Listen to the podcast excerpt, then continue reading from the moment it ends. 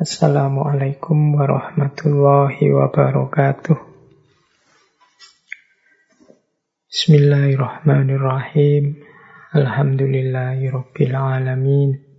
Assalatu wassalamu ala asyrafil anbiya'i wal mursalin sayyidina wa maulana Muhammadin wa ala alihi wa ashabihi wa man tabi'ahum bi ihsanin ila yaumiddin. Amma ba'du. Bismillah, teman-teman. Mari kita lanjutkan kembali ngaji filsafat kita. Malam hari ini kita masuk ke sesi yang baru. Malam hari ini kita kembali lagi ke barat untuk mencari, memulung kembali wisdom-wisdom dari khazanah barat. Bulan ini kita akan kembali ke era Yunani Romawi. Kita angkat empat orang tokoh yang pertama Hippocrates yang populer sekali sebagai bapaknya ilmu kedokteran atau ilmu pengobatan. Kemudian rebus selanjutnya kita mengangkat Protagoras, ini tokoh paling populer dari tradisi sofisme. Beliau ini dikenal sebagai bapaknya debat ahli debat. Kemudian dua minggu selanjutnya kita mengangkat dua orang tokoh dari tradisi stoicisme, yaitu Seneca dan Cicero. Ya, biar tidak bosan ya kita membahas Timur-Timur, sampai kemarin kita membahas tentang Hazanah Nusantara dari Jawa memayu ayuning bawono. Bulan ini kita ke barat lagi. Semoga di tengah-tengah berbagai keprihatinan kita tentang pandemi ini, kita tetap bisa istiqomah belajar, meningkatkan wawasan kita, pengetahuan kita. Karena memang kunci peningkatan diri kita, peningkatan kualitas diri kita juga kunci sukses tidaknya amanah dari Allah yang mengutus kita ke muka bumi, baik sebagai hambanya maupun sebagai khalifahnya, bekal yang paling utama ya tetap ilmu.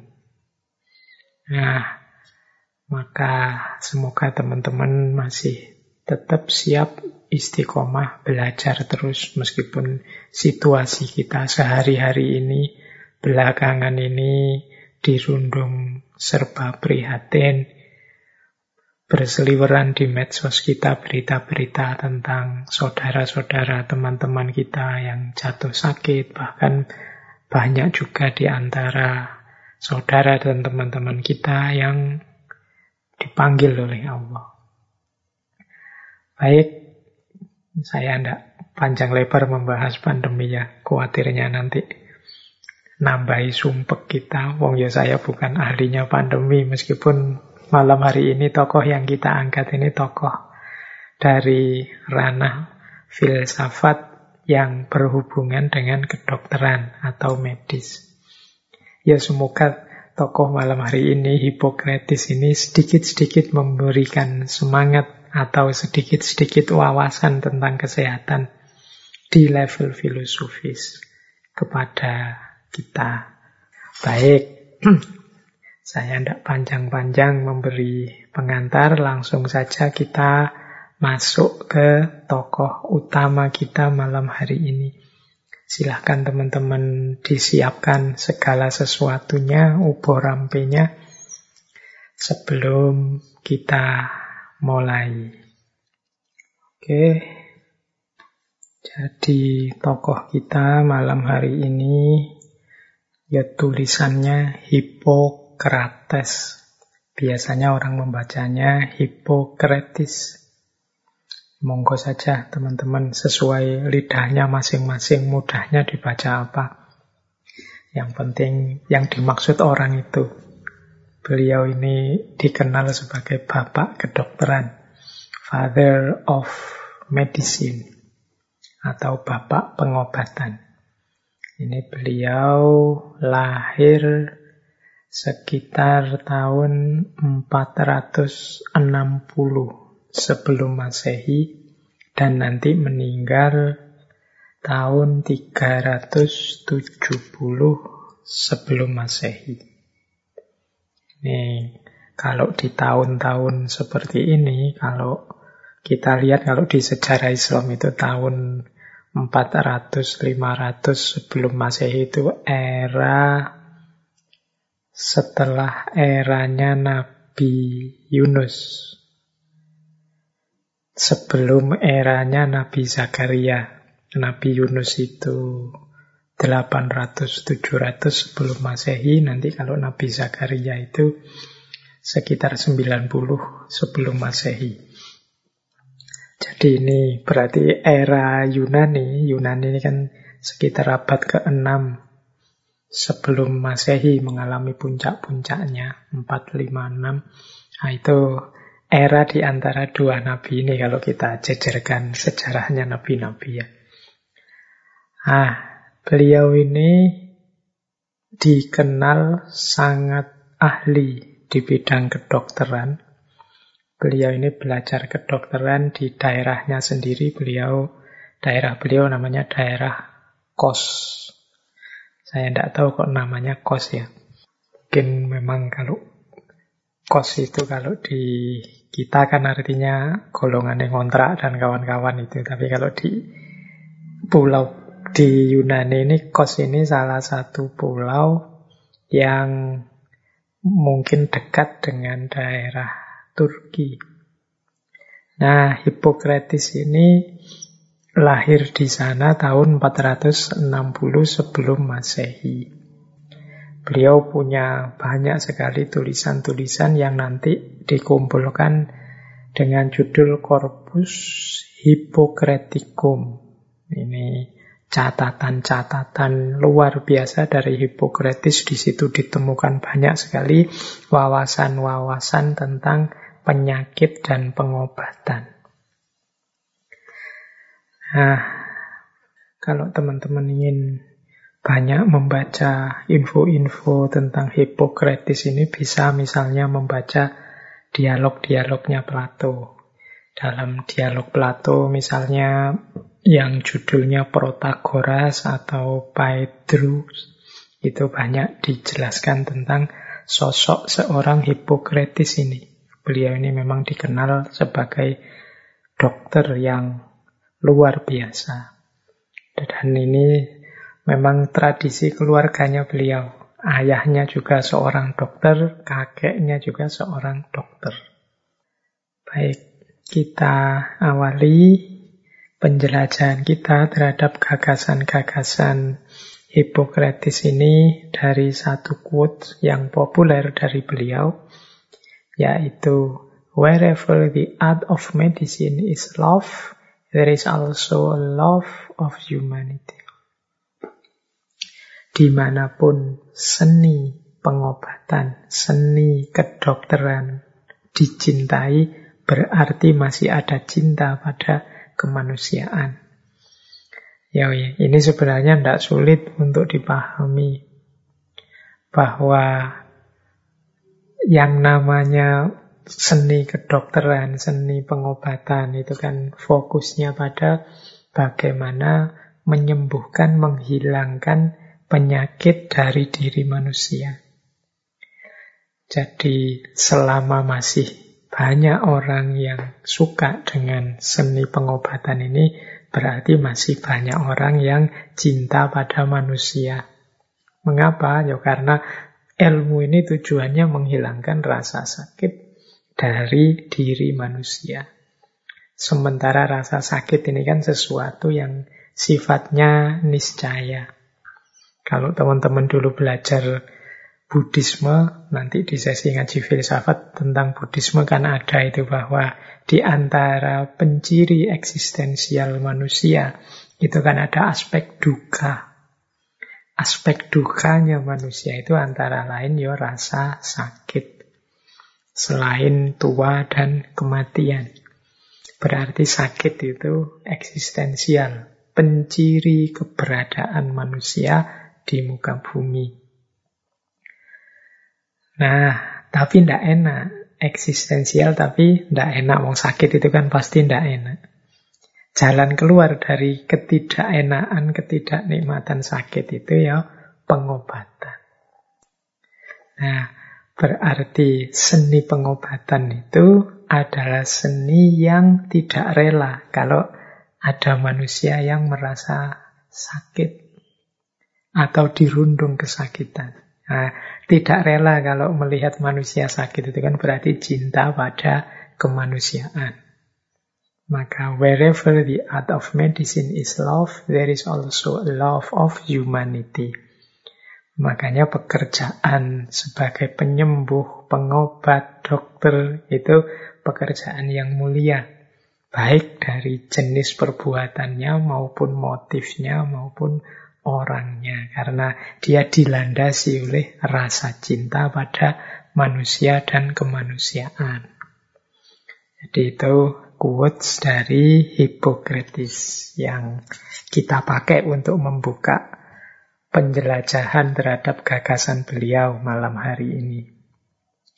Baik, kita awali dari gagasan awal yang populer sekali dari beliau, yaitu proyek kedokterannya. Mengapa sih Hippocrates itu begitu bersemangat untuk menggali, mengembangkan ilmu kedokteran.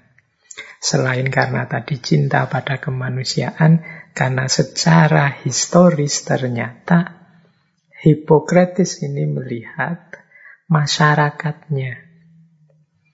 Jadi di era abad kelima sebelum masehi itu, Hippocrates ini melihat masyarakat ini loh. Kalau ada orang terkena penyakit, kalau ada orang sakit, selalu ditafsirkan ini sebagai hukuman, ini sebagai siksaan dari Tuhan atau dewa pada dia orang yang sakit ini. Nah, ini dikritik oleh Hippocrates. Jadi kok bisa ya masyarakat itu? Setiap kali ada wabah, ada musibah, ada bencana, selalu saja ditafsirkan ini sebagai hukuman dari Tuhan karena nakalnya manusia atau rusaknya manusia. Ya mungkin bisa juga kalau konteksnya teologi tafsirnya ke situ. Tapi yang diprihatinkan Hippocrates itu bukan itunya. Ketika orang menafsir seperti ini, biasanya kan kemudian yang muncul bukan upaya-upaya bagaimana jalan keluar pengobatannya. Kalau kemudian disandarkan, ditempelkan langsung kepada Tuhan, apalagi dalam bentuk hukuman, akhirnya kan melihat orang sakit itu sebagai sesuatu yang negatif layak dicela. Jadi kalau ada orang sakit, wah ini kemarin dosa apa dia itu. Kalau ada orang dapat musibah, kita mikirnya, wah orang ini punya salah apa sehingga oleh Tuhan dihukum seperti itu. Jadi Hippocrates dikenal dia tidak mau membaca fenomena rasa sakit, gangguan mental, dan lain sebagainya itu sebagai bentuk hukuman dari Tuhan. Dari situ nanti beliau memisahkan ilmu medis dari ilmu magis atau takhayul. Ya, sakit itu ada sebab-sebab naturalnya, bisa ditelusuri akarnya. Sehingga kalau ujuk-ujuk kita arahkan kepada Tuhan, ini bisa mengurangi semangat kita untuk menggali lebih jauh aspek-aspek medis unsur-unsur alamiah yang dilanggar oleh orang ini sehingga dia bisa terjangkit satu penyakit. Jadi Hippocrates ini dikenal kritis terhadap takhayul dan magis. Yo, saya tidak nyarani, tapi kemarin-kemarin kan banyak orang yang cara berpikirnya seperti ini. Jadi serba negatif, ketika ada seseorang mendapatkan ujian dari Tuhan dalam bentuk penyakit atau dalam bentuk kesulitan hidup. Seolah-olah kesulitan yang dia alami atau sakit yang dia rasakan itu pasti hukuman dari Tuhan atas kesalahan-kesalahan yang dia lakukan sebelumnya. Ini kita bahas panjang lebar dulu waktu kita membahas tentang filosofi rasa sakit dan penderitaan. Ternyata sekarang ditegaskan oleh Hippocrates, jangan kita tafsirkan kalau ada orang sakit, kalau ada orang mengalami kesulitan-kesulitan hidup sebagai bentuk hukuman dari Tuhan. Mungkin kalau versinya Hippocrates, kita posisikan kesulitan-kesulitan hidup atau rasa sakit itu sebagai tantangan bagi kita manusia untuk mencari solusi dan jawabannya. Ya termasuk pandemi kali ini. Itu kan tantangan buat manusia. Ayo, bisa ngatasi ndak masalah pandemi ini? Bisa ndak manusia cari solusi dari pandemi ini? Kan banyak di antara kita hari ini yang dapat ujian pandemi, tidak nyari solusi malah nambah masalah. Ya wis macam-macam teman-teman tahu sendiri ya masalah semakin luas tambah berkembang tambah ndak karu-karuan pokok utama permasalahannya ndak terselesaikan. Nah, jadi pertama-tama rumusnya Hippocrates ini memisahkan ilmu medis dari magis dan takhayul-takhayul. Memang orang Yunani zaman itu itu kan memang banyak sekali cara berpikir magis dan tahayul-tahayul. Banyak sekali dewa-dewa dan lain sebagainya yang sering kali saya ceritakan itu kan tentang cara berpikir Yunani zaman itu. Nah itu dikritisi oleh Hippocrates khususnya dalam ranah medis. Nah ada quotes yang populer sekali tentang ini dari Hippocrates yaitu tentang penyakit epilepsi. Jadi Hippocrates bilang begini, orang berpikir bahwa epilepsi itu bersifat ilahi. Ilahi itu berarti ya sumbernya dari Tuhan, hukuman Tuhan seperti tadi. Hanya karena mereka tidak tahu apa yang menyebabkan epilepsi. Ini zaman Hippocrates abad ke-5, ke-6 sebelum Masehi. Tetapi saya percaya suatu hari nanti kita akan memahami apa yang menyebabkan epilepsi. Dan pada saat itu kita akan berhenti percaya bahwa itu adalah ilahi. Ilahi dalam arti hukuman Tuhan sumbernya dari kemurkaan Tuhan. Begitu pula dengan segala sesuatu di alam semesta. Jadi zaman itu orang masih belum tahu sebabnya apa, akarnya di mana, obatnya apa penyakit epilepsi itu. Dan kalau orang epilepsi kalau sedang kumat kan kejang-kejang seperti itu. Bagi yang tidak paham kemudian wah ini kesurupan ini, wah ini hukuman Tuhan ini, wah ini ada salah apa ini nenek moyangnya dan lain sebagainya.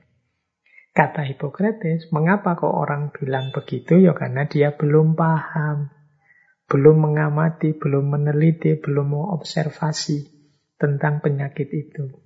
Sehingga ya satu-satunya jalan kemudian diputuskan saja itu langsung dari Tuhan sebagai hukuman. Nah, nanti kalau sudah dipahami, diketahui, orang tidak akan berpikir ke situ lagi. Begitu pula dengan segala sesuatu. Karena ketika orang belum paham, ya cenderung kemudian mensakralkan itu, kata Hippocrates.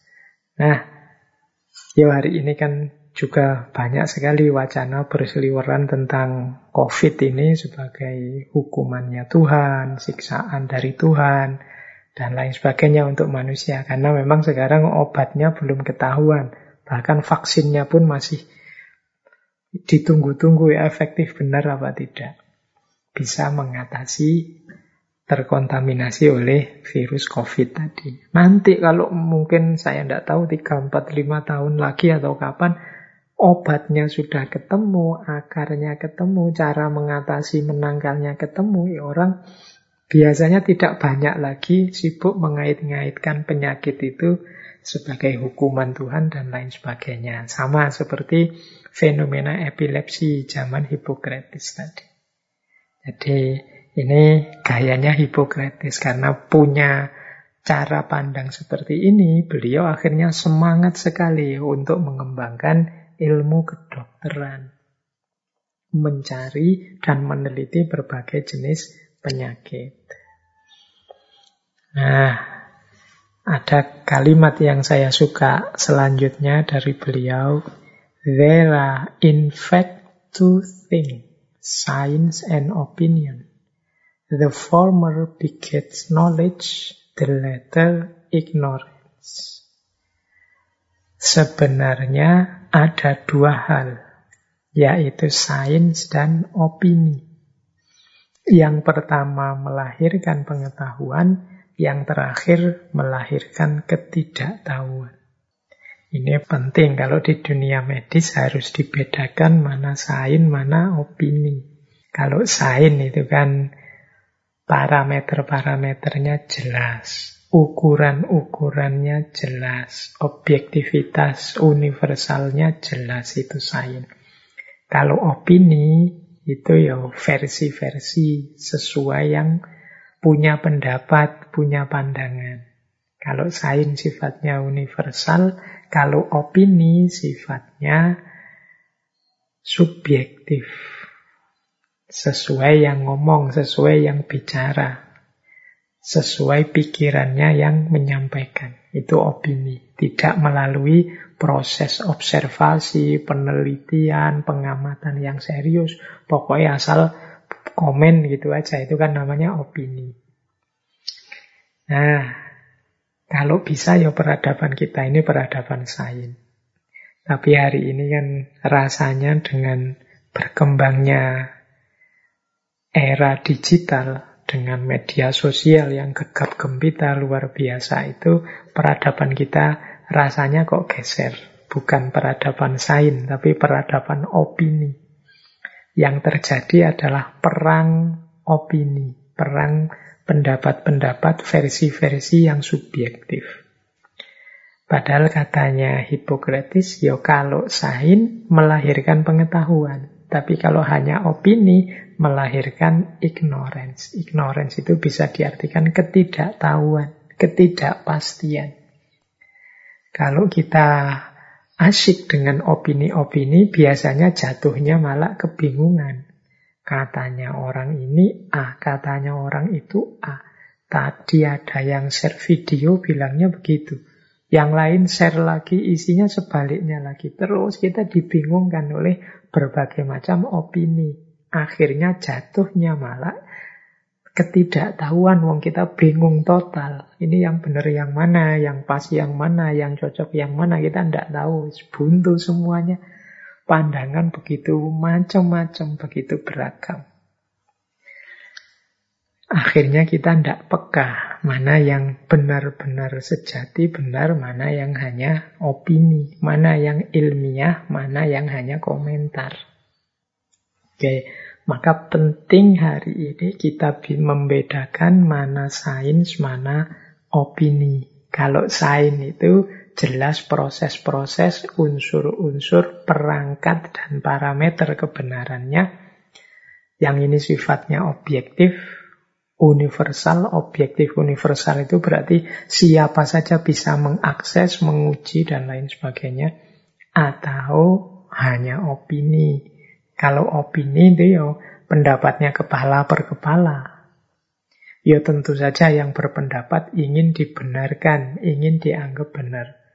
Nanti yang lain juga punya pendapat ingin dibenarkan, ingin dianggap benar. Terus jadinya medsos kita rame peperangan opini, pertarungan opini. Ya hari ini pandemi yang sudah dua tahun ini teman-teman boleh menghitung berapa banyak informasi-informasi saintifik dan berapa banyak informasi-informasi yang sifatnya opini saja. Kesan-kesan subjektif saja. Nah, itu nanti akan ketahuan akarnya. Mengapa sih hari ini kita kok sering bingung menghadapi seliweran-seliweran berbagai informasi.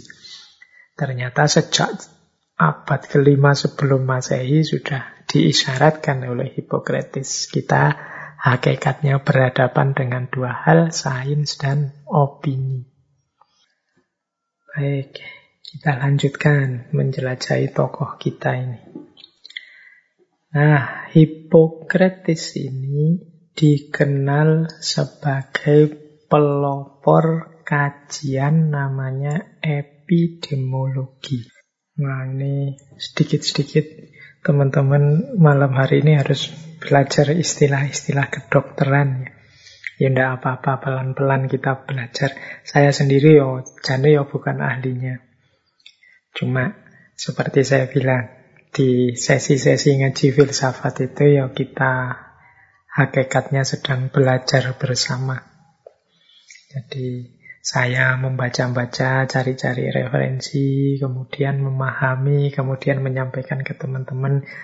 Ya teman-teman mendengarkan. Kita sama-sama saling belajar.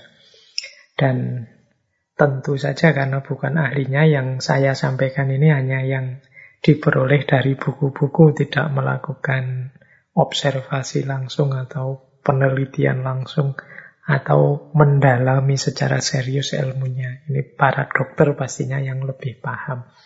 Ini hanya informasi-informasi dasar saja dalam rangka mendukung kita memahami gagasan-gagasan filosof kita malam hari ini yaitu Hippocrates.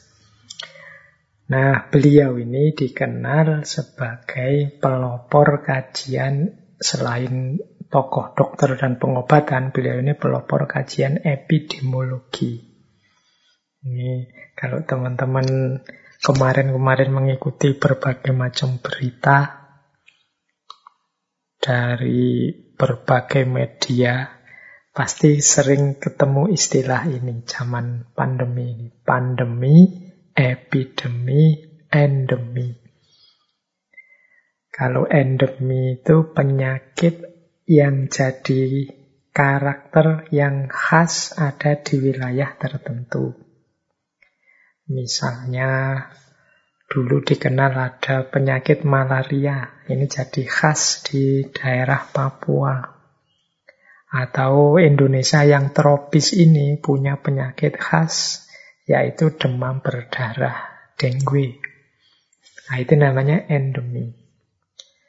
Nah, kalau penyakit yang jadi endemi, jadi sebenarnya khas di wilayah tertentu ini menyebar ke mana-mana sampai ke wilayah-wilayah yang lain, ke negara-negara, daerah-daerah yang lain, dan mempengaruhi penduduk di daerah yang lain, itu nanti disebut sebagai epidemi.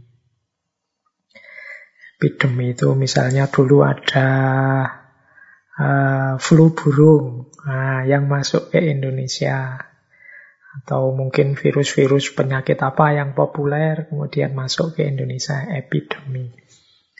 Nah, kalau penyebarannya kemudian sangat massal, di mana-mana di seluruh dunia terkena. Nah, ini kemudian kita sebut sebagai pandemi.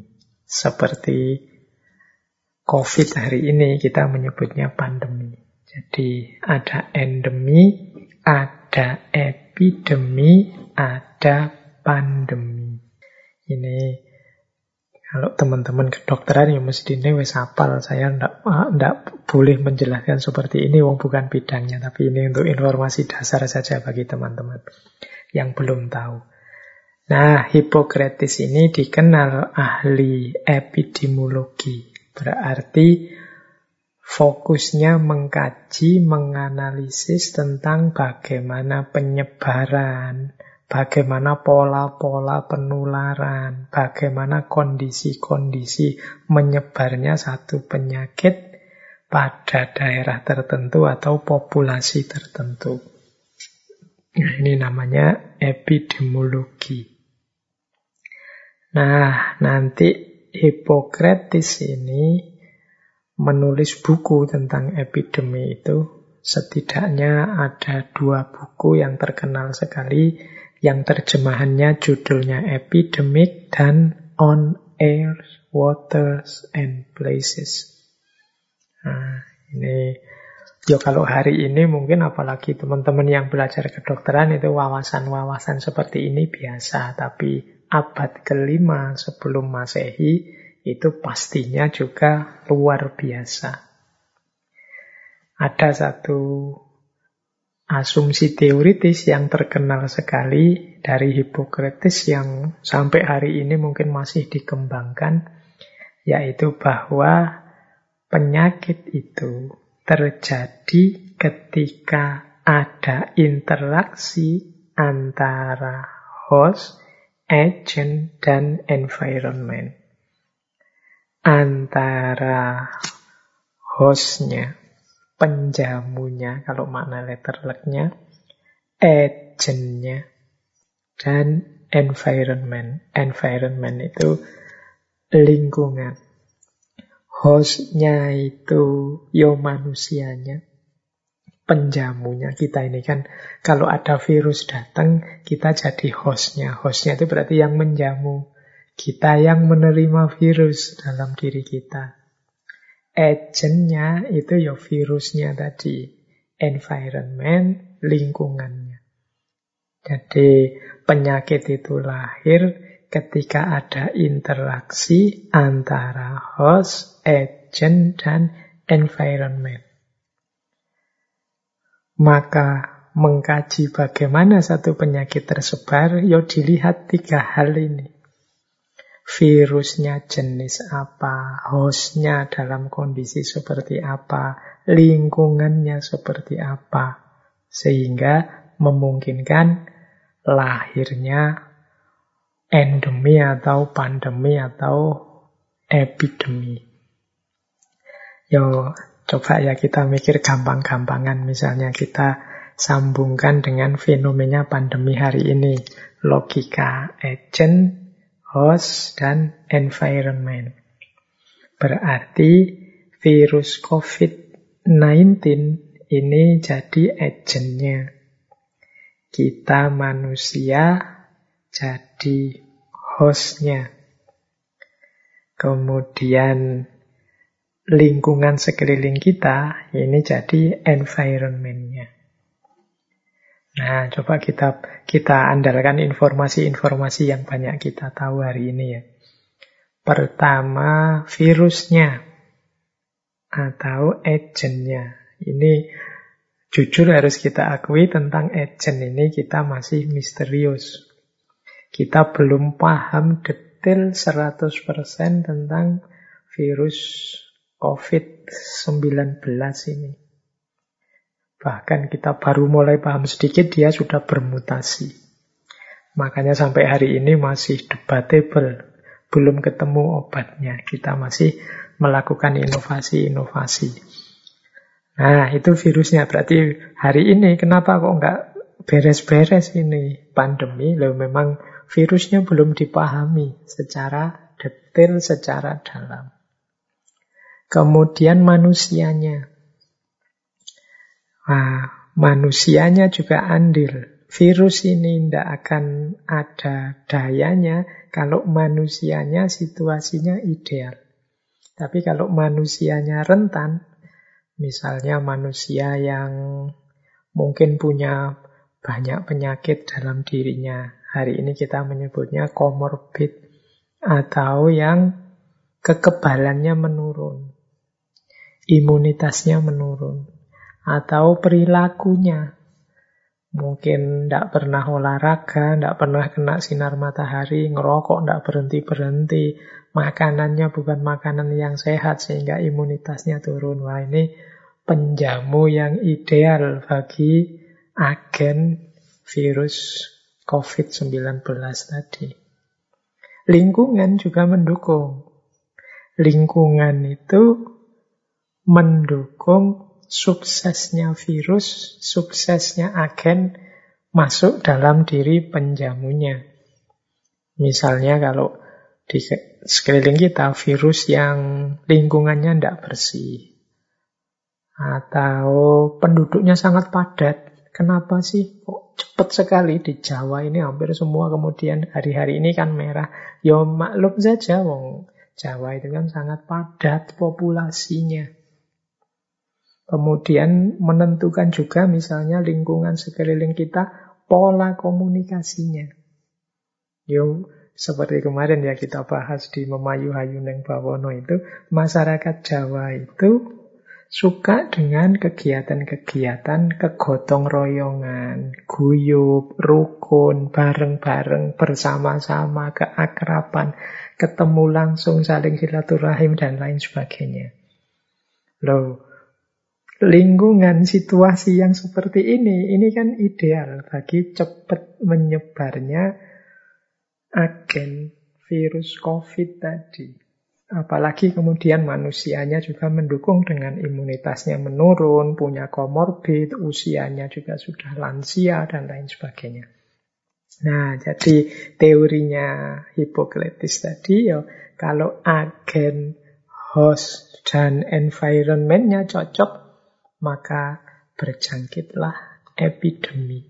Ini sering disebut Tiga aspek ini sering disebut epidemiologic triangle, segitiga epidemi. Yo, semuanya memenuhi syarat untuk cepat tersebar. Ya, akhirnya kita rasakan hari ini.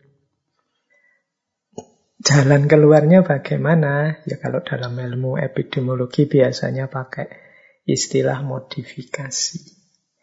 Jadi kita harus memodifikasi penjamunya kita, hostnya kita memodifikasi lingkungannya. Kalau memodifikasi agennya bisa enggak Pak? Virusnya. Ya, seperti saya bilang tadi, virusnya hari ini masih agak misterius.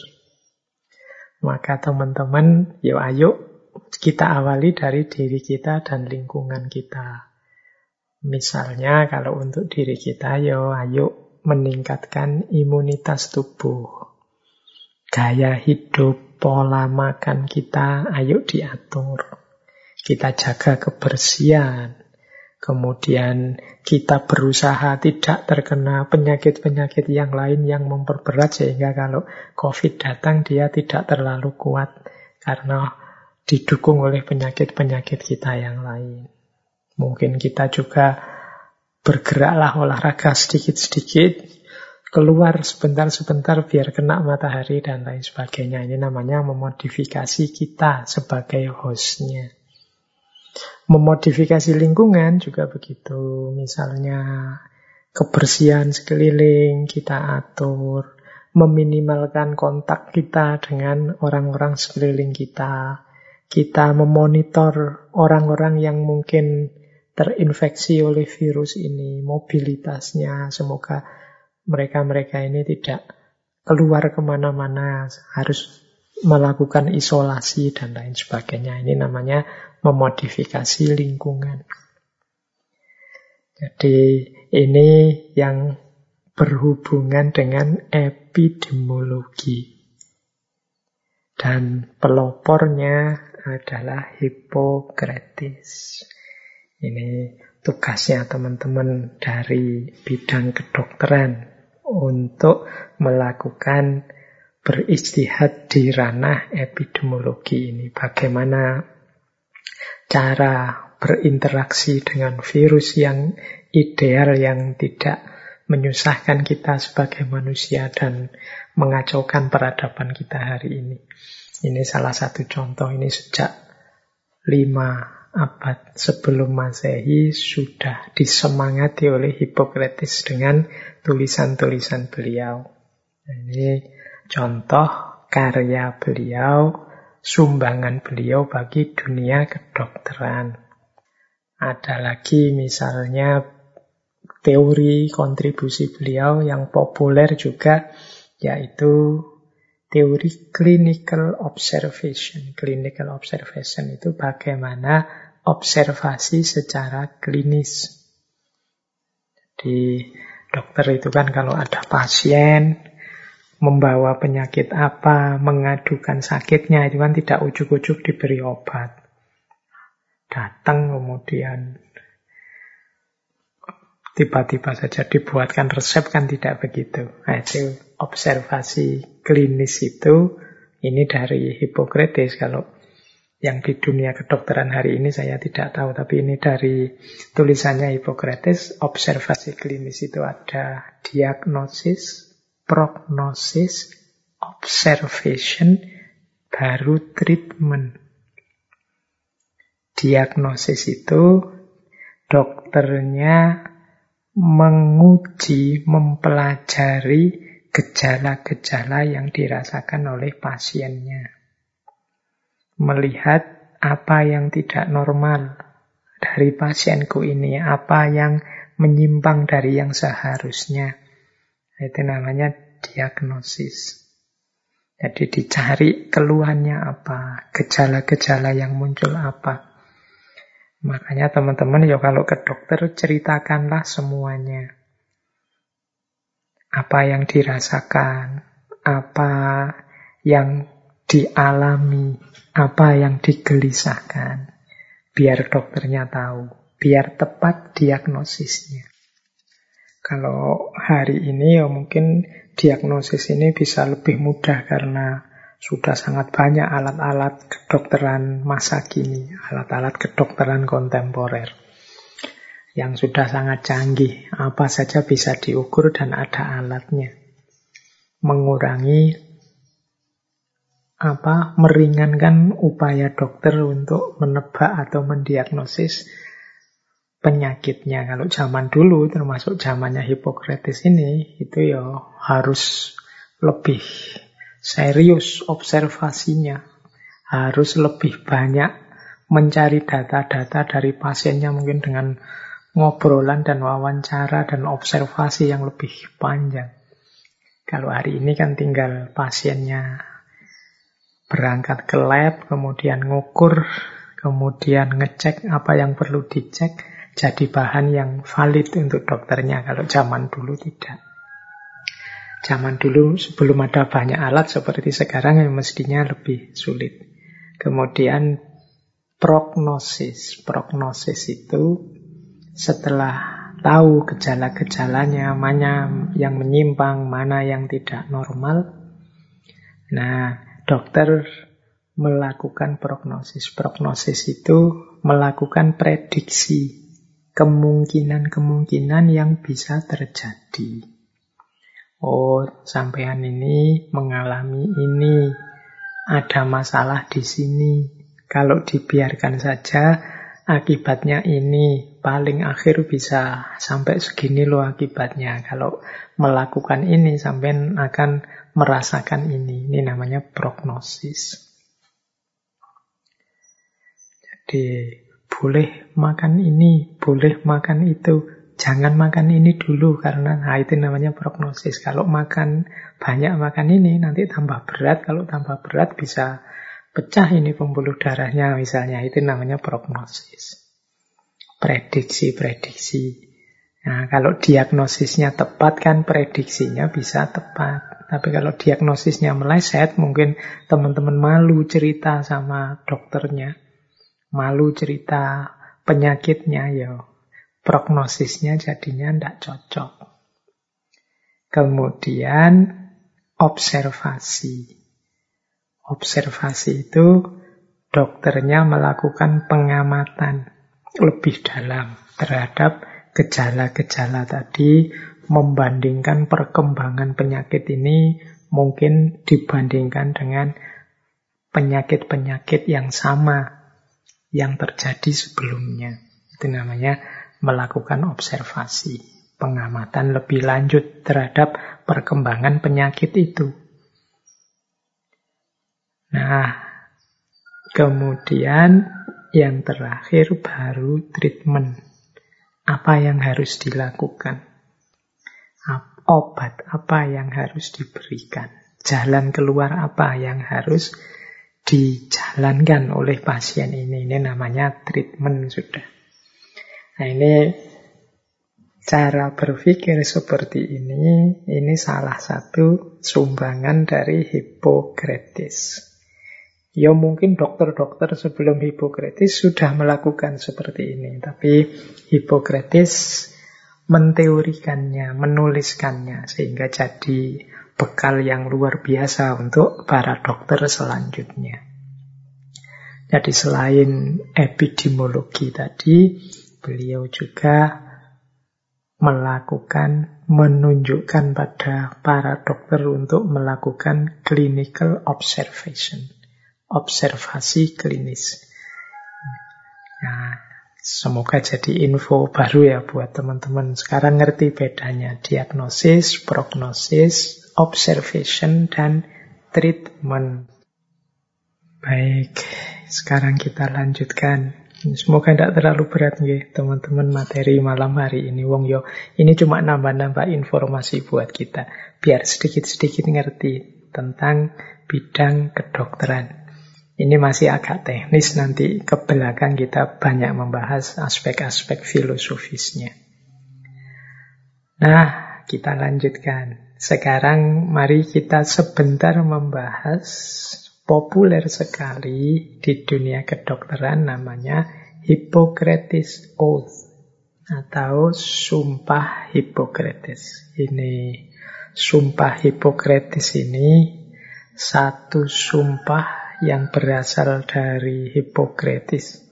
Jadi sumpah para dokter. Yang ini kemudian dipakai bahkan hingga hari ini secara konten, secara muatannya dipakai sebagai bagian dari sumpah kedokteran hari ini.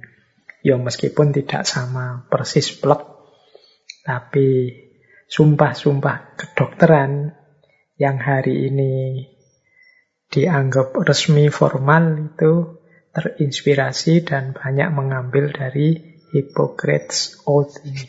Yang secara umum isinya adalah etika. Jadi etika yang harus dimiliki oleh seorang penyembuh, seorang dokter. Jadi ini semacam etika profesi. Kalau teman-teman tertarik bidang ini ya boleh. Mis hari ini kan kemarin-kemarin populer itu kajian-kajian namanya bioetik. Jadi etika yang berhubungan dengan pengobatan untuk para dokter ini bisa juga etika semacam ini kita sebut applied ethic. Jadi etika terapan untuk praktek pengobatan atau praktek kedokteran. Nah, ayo kita baca pelan-pelan Hippocrates Oath ini. Cuma ya saya ambil terjemahannya saja ya, tidak pakai Inggrisnya. Biar teman-teman tidak tambah ngantuk.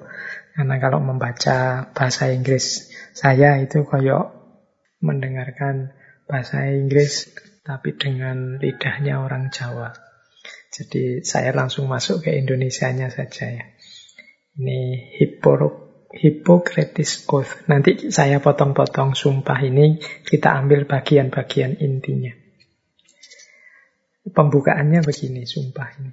Aku bersumpah demi dewa penyembuhan Apollo, Asclepius, Higeia, dan Panacea, dan semua dewa-dewi menjadikan mereka saksiku bahwa sesuai kemampuan dan penilaianku, aku akan memenuhi sumpah dan perjanjian ini.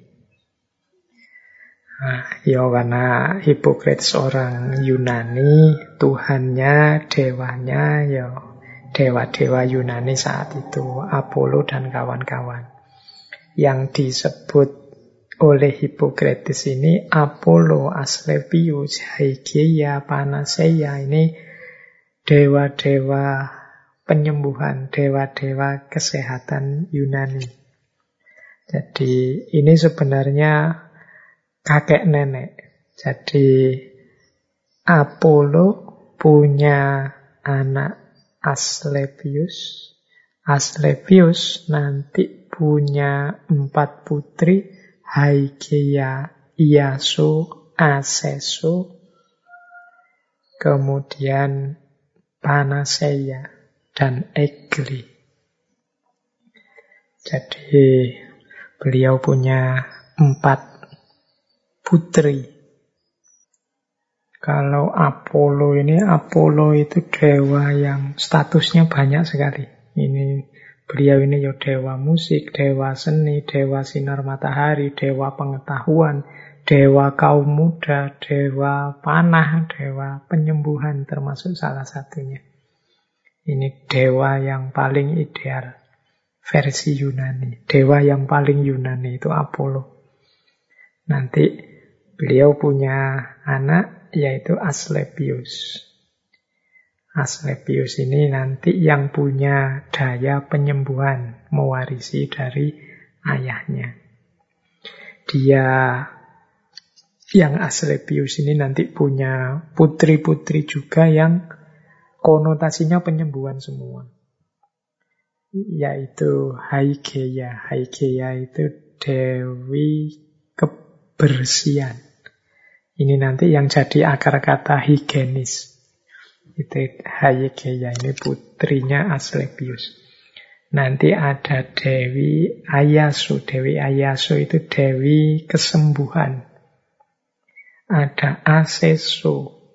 Eh, yang saya ingat Asesu ini kayak merek sabun ya. Asesu itu Dewi proses pengobatan. Jadi Dewi yang hubungannya dengan pengobatan. Kemudian ada juga Panasea. Panasea ini Dewi obat. Ada lagi Egle. Egle ini Dewi kesehatan. Jadi ini putri-putrinya Asclepius. Kalau teman-teman pernah lihat simbol kedokteran yang dalam bentuk tongkat yang dililit oleh ular, itu namanya tongkat Asclepius. Ini mirip dengan simbol kedokteran hari ini. Orang menyebutnya tongkat Asclepius. Nah, Hippocrates membuka sumpahnya dengan demi dewa penyembuhan Apollo, Asclepius, Hygieia, Panacea, dan semua dewa-dewi. Mereka jadi saksi, aku akan memenuhi sumpah ini, yaitu Miriplah sumpah kita hari ini kan demi Tuhan yang Maha Esa, demi Allah dan lain sebagainya. Ini sumpahnya Hippokrates. Kemudian beliau menyatakan begini. Aku akan memperlakukan, ini yang pertama ya, Aku akan memperlakukan orang yang mengajarkan seni kedokteran ini seperti orang tuaku sendiri dan menjalani hidup ini bermitra dengannya. Dan apabila ia membutuhkan sesuatu, aku akan memberikan milikku. Jadi yang pertama, berjanji tentang gurunya. Nah, ini saya tidak tahu ini. Mungkin di Yunani sudah ada kesadaran untuk berakhlak dan beradab kepada seorang guru. Maka sumpah Hipokrites pertama-tama, Hipokrites pertama-tama itu bagaimana dia berjanji akan memposisikan gurunya seperti orang tuanya sendiri dan bekerja sama dengan beliau dan kalau guru ini membutuhkan apa pun aku siap memberikan milikku. Nah, ini adabnya seorang murid mungkin. Dan aku akan menganggap keturunannya, ini berarti sampai anak-anaknya guruku itu, seperti saudaraku sendiri.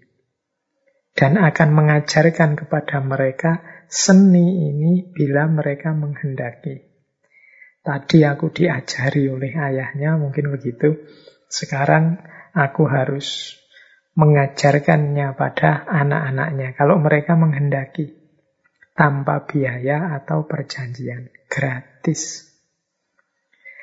Kemudian memberikan pandangan dan tuntunanku dan semua pelajaran kepada anak-anakku dan anak-anak guruku. Dan juga kepada murid-murid yang sudah membuat perjanjian dan mengucapkan sumpah ini sesuai dengan hukum pengobatan. Dan tidak kepada orang lain. Jadi ini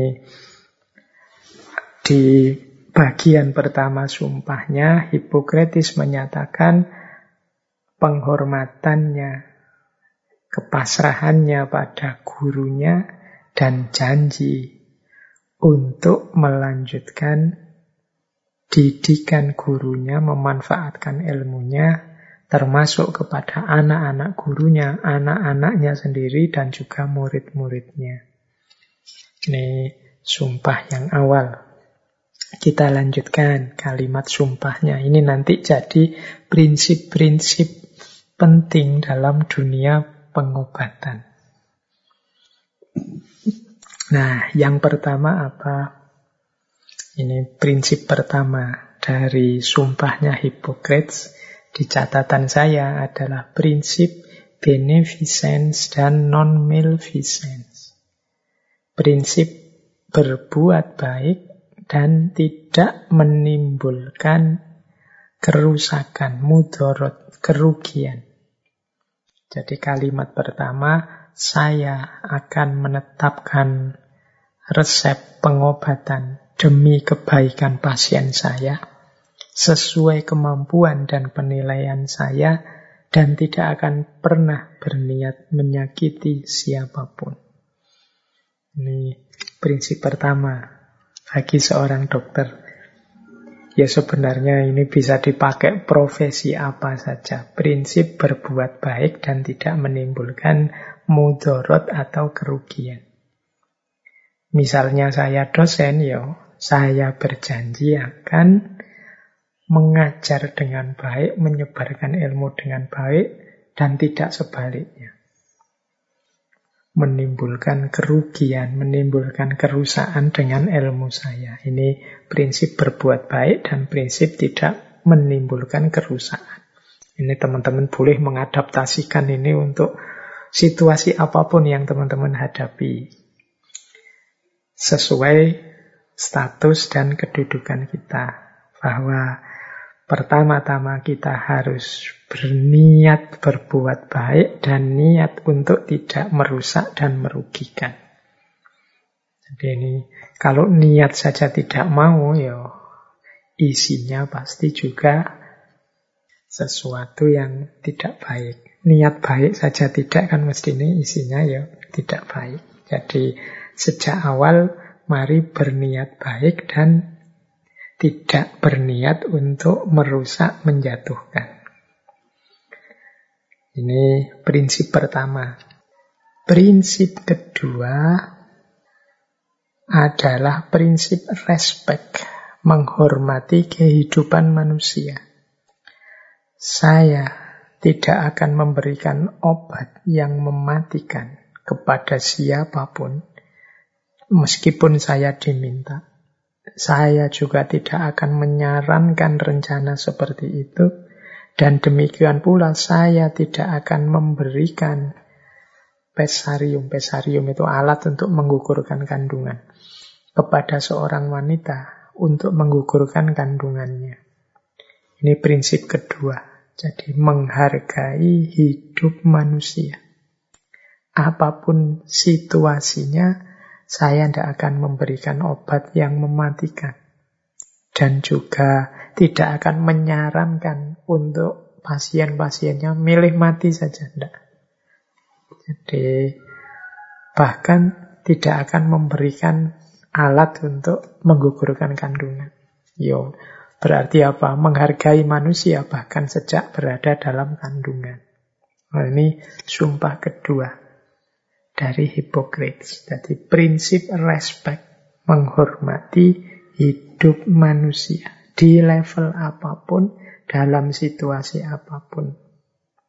Kemudian prinsip selanjutnya adalah prinsip mengakui keterbatasan diri. Saya tidak akan mengoperasi Bahkan untuk pasien yang penyakitnya telah nyata, saya akan memberikan operasi ini untuk dilakukan oleh para praktisi, para ahli di bidang ini. Jadi ini kesadaran diri tentang apa yang dia bisa dan apa yang dia tidak bisa. Ini Hippocrates sebagaimana tradisi di Yunani kalau teman-teman membaca zaman itu untuk mengoperasi itu ada ahlinya sendiri. Jadi ada orang-orang yang memang tukang operasi. Ya sebenarnya hari ini kan mungkin begitu juga ada dokter yang ahli bedah, ada yang khusus ahli anestesi dan lain sebagainya sesuai keahliannya masing-masing. Jadi karena Hippocrates ini ahli pengobatannya bukan pada operasinya ya dia berjanji untuk saya tidak akan ngoperasi. Wong bukan keahlian saya. Jadi dia tahu limitnya, batasnya, tidak nekat, tidak ngarang, tidak mengira-ira. Jadi ini jadi prinsip selanjutnya oleh seorang dokter. Saya bilang tadi, prinsip seperti ini juga mungkin penting untuk kita yang menjadi apa pun dalam status apa pun. Kita harus sadar siapa diri kita, batas kemampuan, batas kebisaan kita itu sampai di mana. Jadi mengakui keterbatasan diri. Jangan sampai kita nabrak-nabrak melanggar batas yang kita mampu padahal kita bukan bidangnya. Jadi makanya untuk malam hari ini saya pamit-pamit. Siapa tahu yang saya sampaikan ada yang tidak cocok dengan teman-teman yang ngerti dunia kedokteran. Nanti kalau ada yang tidak cocok, monggo diingatkan saja. Malam hari ini fokusnya bukan pada teori kedokterannya, tapi pada wisdom-wisdom kebijaksanaan-kebijaksanaan tentang kesehatan. Versinya Hippocrates. Ya rasanya teori-teori yang disampaikan malam hari ini itu mungkin karena berasal dari era abad kelima sebelum masehi yang mungkin sudah sangat umum bahkan mungkin beberapa sudah berubah, sudah difalsifikasi. Sudah tidak dianggap relevan lagi. Itu mungkin teman-teman kedokteran yang bisa ngerti tentang itu. Tapi menurut saya prinsip mengakui keterbatasan diri ini penting untuk semua bidang. Jadi kita harus kenal siapa kita, keahlian kita di mana, kita ngerti tentang apa dan tidak tahu tentang apa. Nah, kemudian ada selanjutnya prinsip untuk berakhlak dan beradab. Jadi itu ada di sumpah selanjutnya di setiap rumah tempat saya datang saya akan masuk hanya untuk kebaikan pasien saya. Menjauhkan diri dari semua perbuatan jahat yang disengaja dan semua rayuan. Dan terutama dari kesenangan cinta dengan wanita atau dengan pria. Baik mereka bebas atau budak. Jadi ya tugasnya dokter itu kan bisa masuk sampai ke ranah-ranah paling privat dari pasiennya, maka penting untuk membangun akhlak dan adab diri. Jadi pokoknya nawa itu niatnya ya untuk kebaikan, melenyapkan penyakit, tidak boleh mikir macam-macam, tidak boleh terdistraksi oleh macam-macam. Bahkan di kalimat sumpah itu ada semoga tidak apa tergoda oleh rayuan dan juga tidak terjebak oleh kesenangan-kesenangan cinta, berarti hasrat, nafsu dan macam-macam. Baik dengan wanita atau pria, baik yang bebas atau yang budak. Jadi ini prinsip untuk jadi orang baik yang berakhlak, tidak punya niat jahat, tidak dikendalikan oleh hawa nafsu. Ini penting. Ya lagi-lagi semua orang juga butuh ini. Kemampuan untuk mengendalikan diri, kemampuan untuk menata diri secara berakhlak dan beradab. Terus selanjutnya yang terakhir dari sumpahnya Hippocrates adalah prinsip menjaga kerahasiaan pasien atau azas confidentiality. Jadi semua kata Hippocrates, semua yang mungkin saya ketahui dalam menjalankan profesi saya atau dalam kehidupan sehari-hari dengan orang lain yang tidak boleh disebarkan keluar akan saya rahasiakan dan tidak akan pernah saya ungkapkan. Yo, seperti saya bilang tadi sebelumnya, dokter itu kan bisa mengakses bagian-bagian privat, lahir dan batin dari pasien-pasiennya. Maka di antara sumpah etiknya seorang dokter, dia harus menjaga kerahasiaan pasiennya. Tidak boleh menyebar-nyebarkan keluar. Seperti apa pun yang dia tahu dalam situasi apa pun. I will keep secret and will never reveal. Aku akan merahasiakannya dan tidak akan mengungkapnya keluar dalam situasi apa pun. Nah, ini prinsip confidentiality. Menjaga kerahasiaan. Jadi, kalau diringkas sejak awal tadi dari sumpah Hippocrates ini secara umum yang pertama setiap dokter itu harus memegangi prinsip berbuat baik, beneficence, tidak menimbulkan mudorot, kerusakan yang lebih parah, maleficent, non-maleficent, dan yang ketiga prinsip respect, menghormati kehidupan manusia. Yang keempat, prinsip mengakui limit diri, batasnya diri. Yang kelima, berakhlak dan beradab. Dan yang ketujuh, menjaga kerahasiaan. Ini yang disumpahkan oleh seorang dokter menurut Hippocrates. Berarti kalau ada dokter penyembuh kok nabrak prinsip-prinsip tadi, ya berarti dia sedang melanggar etika seorang dokter. Dia melanggar prinsip-prinsip yang harus dijalankan oleh seorang dokter. Nah, untuk zaman itu, ini sumpah yang luar biasa.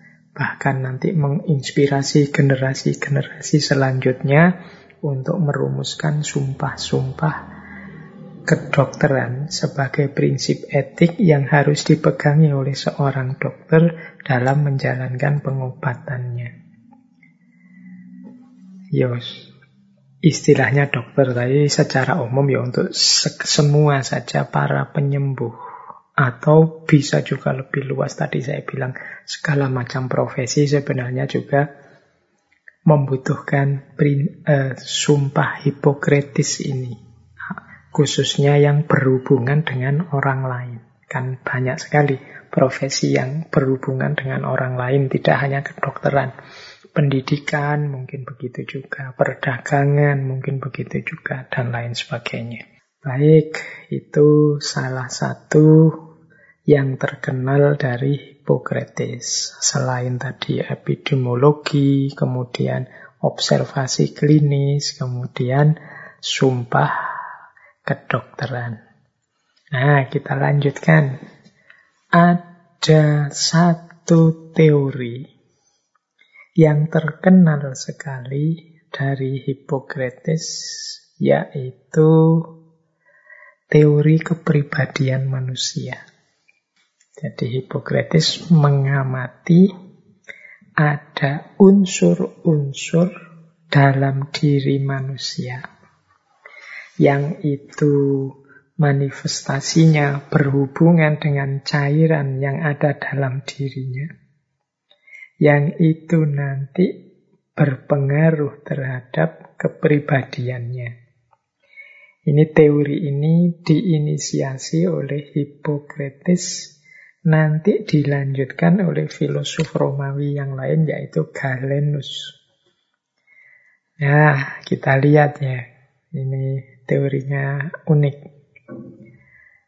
Dalam diri manusia, kata Hippocrates, ada empat unsur, yaitu unsur tanah, unsur air, unsur udara, dan unsur api.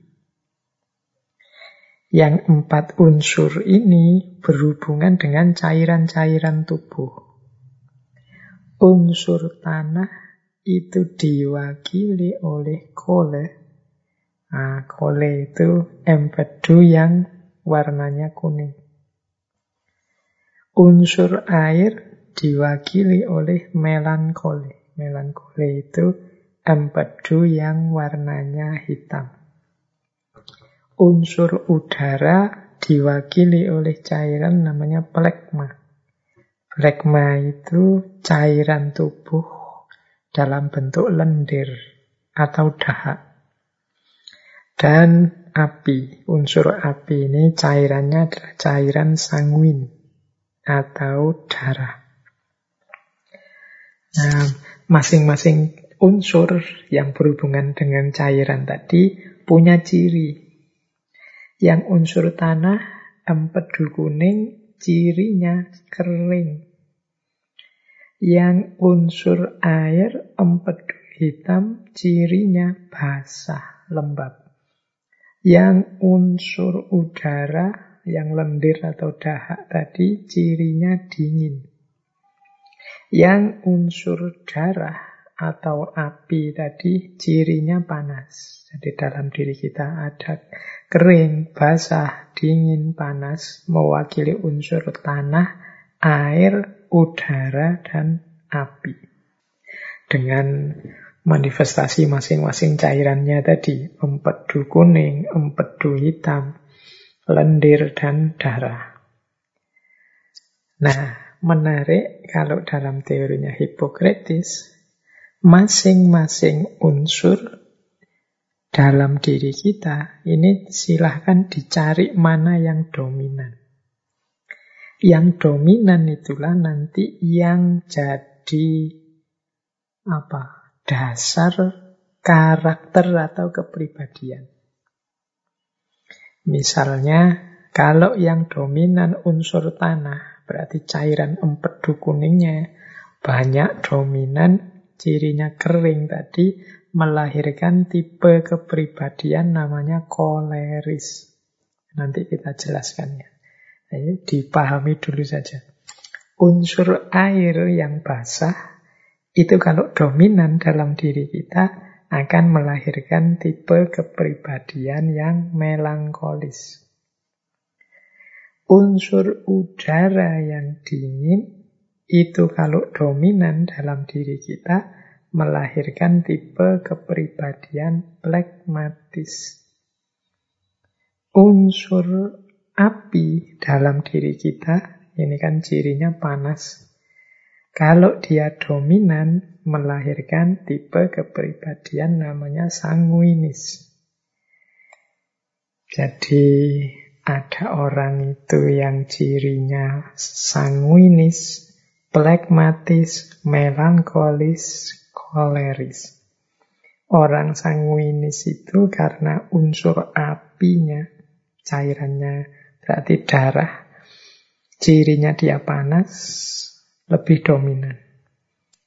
Kalau yang plekmatis itu ketika seseorang lebih dominan unsur udara atau plekma atau lendir atau dahak yang coraknya dingin.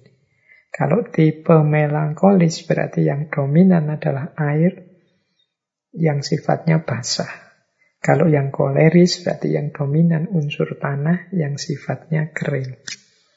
Wah, ini mirip kayak teori dalam diri kita ini ada makrokosmos. Alam semesta ada dalam diri kita. Empat unsurnya lengkap. Tanah, air, udara, api.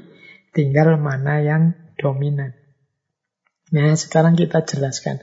Kalau orang itu dominan panasnya sanguinis itu seperti apa? Kalau orang dominan yang dingin atau plekmatis itu seperti apa? Kalau orang dominan yang basah melankolis seperti apa? Kalau orang dominan yang kering koleris seperti apa?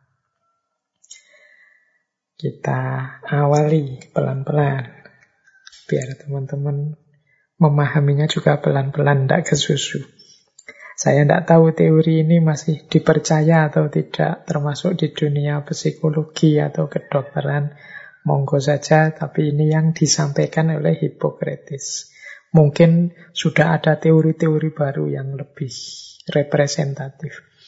Tapi setidaknya semoga konsep dari Hippocrates ini menyumbang sesuatu untuk memahami diri kita.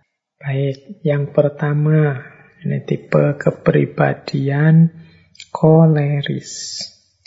Tipe kepribadian koleris ini tadi ya, berarti dia dominan unsur tanahnya.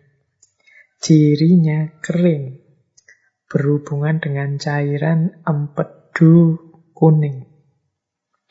Orang yang tipenya koleris ini cenderung mudah marah, sukar mengendalikan diri, agresif.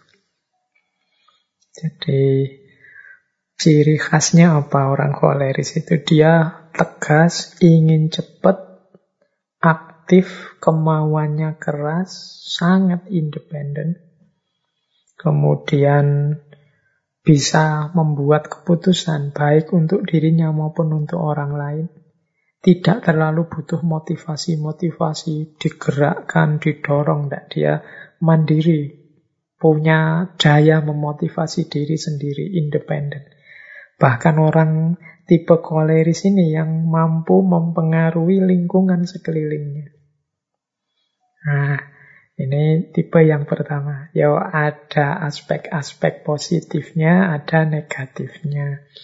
Yang positif tadi tegas, mandiri, independen, kemudian mampu mempengaruhi lingkungannya dengan tujuan, gagasan, dan lain sebagainya. Tapi kalau tidak hati-hati, terlalu dominan, akhirnya jadi agresif, ambisius, bahkan mudah marah karena mungkin lihat yang lain kok lelet sih, kok ndak ndak cak-cek gitu loh inginnya. Ha, ya ini gaya koleris. Dia ini serba tegas, ingin cepat, aktifnya luar biasa, independen. Mungkin orang-orang koleris ini tidak betah kalau dekat dengan teman-teman yang males, lambat, tidak cepat. Ini gaya koleris. Ini yang dominan unsur tanahnya. Coraknya kering. Jadi ya ini mungkin teman-teman bisa introspeksi kalau setuju ya dengan teorinya Hippocrates ini, aku ini tipe yang mana? Jangan-jangan aku ada di koleris ini, berarti lebih kuat unsur tanahnya. Tegas, ingin cepat, aktif, berkemauan keras, sampai kadang-kadang mudah marah, sukar mengendalikan diri, ambisius. Nah ini gayanya orang-orang koleris. Yang kedua, Gaya melankolis. Ini kebalikannya koleris. Kalau gaya melankolis berarti kan kalau dikembalikan ke unsur tadi, gaya melankolis itu yang dominan unsur airnya. Cirinya basah. Jadi orang melankolis itu cenderung bersikap murung, muram, pesimis dan mudah curiga. Ini negatifnya. Tapi ciri yang lain mungkin yang positif dia analitis, perhitungan, hati-hati, perfeksionis. Jadi tidak mau ada celahnya. Ingin segala sesuatunya berjalan secara perfect dan sensitif. Sensitif itu boyo Ya kalau hari ini mungkin mudah baper, mudah mudah kesinggung. Nah ini tipenya orang melankolis. Mungkin ada orang merengut di depannya, mungkin dia merasa wah orang ini sedang menghinaku atau sedang melecehkanku. Nah, itu kan baper, sensitif. Ada orang ketawa di depannya, mungkin dia merasa, wah dia menertawakanku. Nah, itu ilustrasi mudahnya. Jadi melankolis itu negatifnya mungkin dia muram, pesimis, kadang-kadang perfeksionis. Jadi perfeksionis jadinya dia tidak mau kelihatan jelek. Dia ingin segalanya perfect, sempurna sesuai yang dia inginkan. Tapi ada bagusnya. Bagusnya itu perhitungan. Perhitungan itu berarti anak kemampuan analisisnya tinggi. Kemudian dia juga hati-hati, tidak mau sembrono, tidak mau sembarangan. Ini mungkin ada hubungannya dengan perfeksionis tadi. Sampai titik tertentu ini positif, tapi kalau berlebihan, ini kan tipe kepribadian tadi muncul karena berlebihan berlebihan di unsur airnya, dia jadinya seorang yang melankolis. Mudah murung, mudah pesimis, bahkan mudah menaruh curiga. Mikirnya selalu yang buruk-buruk, sehingga susah dia untuk gembira. Ada apa-apa sering dilihat aspek negatifnya. Jangan-jangan ini, jangan-jangan itu. Nanti saya sakit ini, nanti saya, nah itu tipe orang melankolis. Agak beda dengan koleris tadi yang agresif, ingin cepat, ingin segera beres, ingin kalau orang nggak cak-cek dia jengkel. Kalau melankolis ini hati-hati, pelan-pelan. Yang penting perfect, mas. Nah, itu yang kedua. Ada yang ketiga. Kalau yang ketiga ini adalah kepribadian flekmatis. Ini yang dominan unsur udaranya. Cirinya dingin. Udara itu kan sepoi-sepoi dingin. Nah, orang flekmatis ini anu, lamban. Negatifnya ya. Lamban, pemalas. Tapi ada positifnya. Positifnya apa? Tenang. Tidak mudah dipengaruhi mudah menerima, tidak mudah didistraksi, tidak mudah ditarik orang lain, karena dia sudah merasa nyaman dengan dirinya sendiri. Nah, itu tipe orang flekmatis. Ya kalau bablas berlebihan ya tadi akhirnya jadi lamban dan pemalas. Nah ini teman-teman yang sering menyebut dirinya kaum rebahan, nah itu ya boleh wong orang memang butuh istirahat, butuh rebahan. Menunjukkan kita nyaman bisa menikmati hidup kita. Tapi jangan berlebihan, nanti jadi flekmatis. Akhirnya kalau berlebihan cenderung lamban dan males. Jadi tidak berkembang. Kita sudah misalnya pandemi ini dua tahun punya produktivitas apa sepanjang dua tahun ini? Anda punya apa-apa, Pak? Ya pokoknya jalan sajalah nunggu pandemi selesai. Nah, itu gaya orang-orang flekmatis. Apa pun yang terjadi dia tenang, kemudian tidak mudah berubah pendirian, susah diprovokasi, dipengaruhi, tapi dalam pengertian yang berbeda dengan koleris tadi. Kalau koleris karena dia punya target, punya ambisi, sehingga masukan-masukan dari luar tidak terlalu didengarkan. Kalau flekmatis ini dia orangnya tenang, mantep, nyaman dengan dirinya sendiri, dan jadi dia tidak butuh lagi masukan dari yang lain.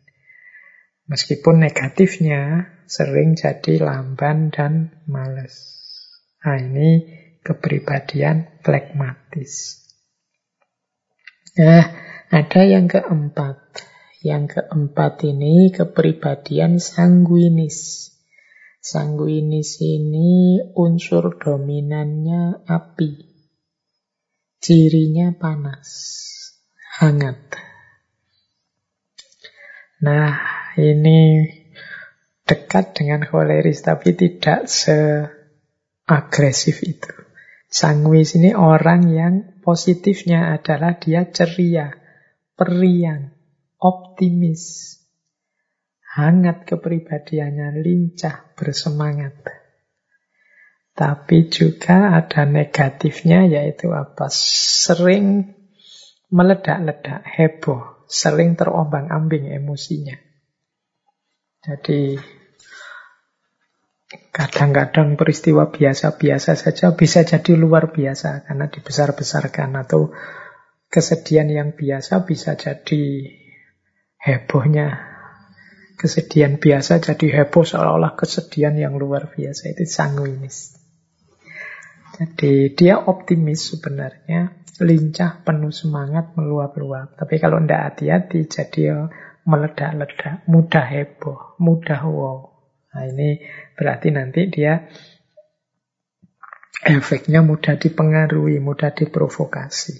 Ini bergaul dengan orang sanguinis itu enak biasanya. Hangat, ceria, optimis, karena dia penuh semangat.